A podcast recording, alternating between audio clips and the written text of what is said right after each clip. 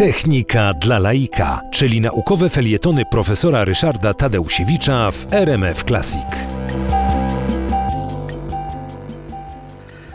Twórcą e, Facebooka jest e, Mark Zuckerberg, który no, już jako młody chłopak, jeszcze licealista, no, zaistniał jako informatyk. Opracowywał różne programy, te programy udostępniał za darmo, stał się znany.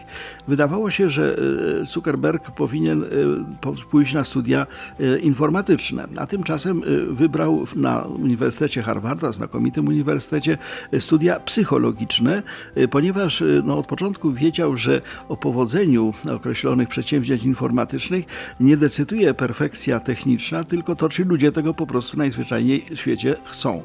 W 2003 roku, na pierwszym roku swoich studiów właśnie w Harvardzie, Zuckerberg e, ogłosił taki, taki program, udostępnił innym studentom program, nazywał się ten program Face Mesh e, i e, służył do tego, żeby porównywać urody studentek.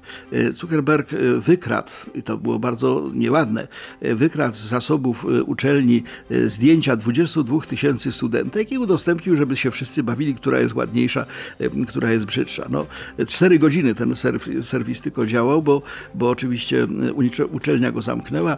Zuckerberg cudem uniknął wyrzucenia, natomiast stał się znany.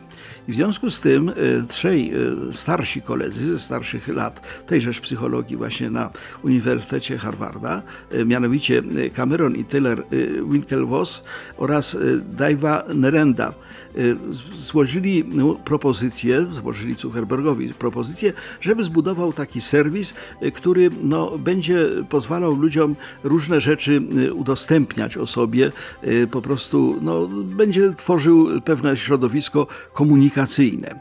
Pomysł był dobry, ale Zuckerberg zamiast wywiązać się z tego zobowiązania, zbudował własny system, udostępnił go, mianowicie 4 lutego 2004 roku zaistniał ten system. Nazywał się Facebook, no i tak się nazywa do dzisiaj.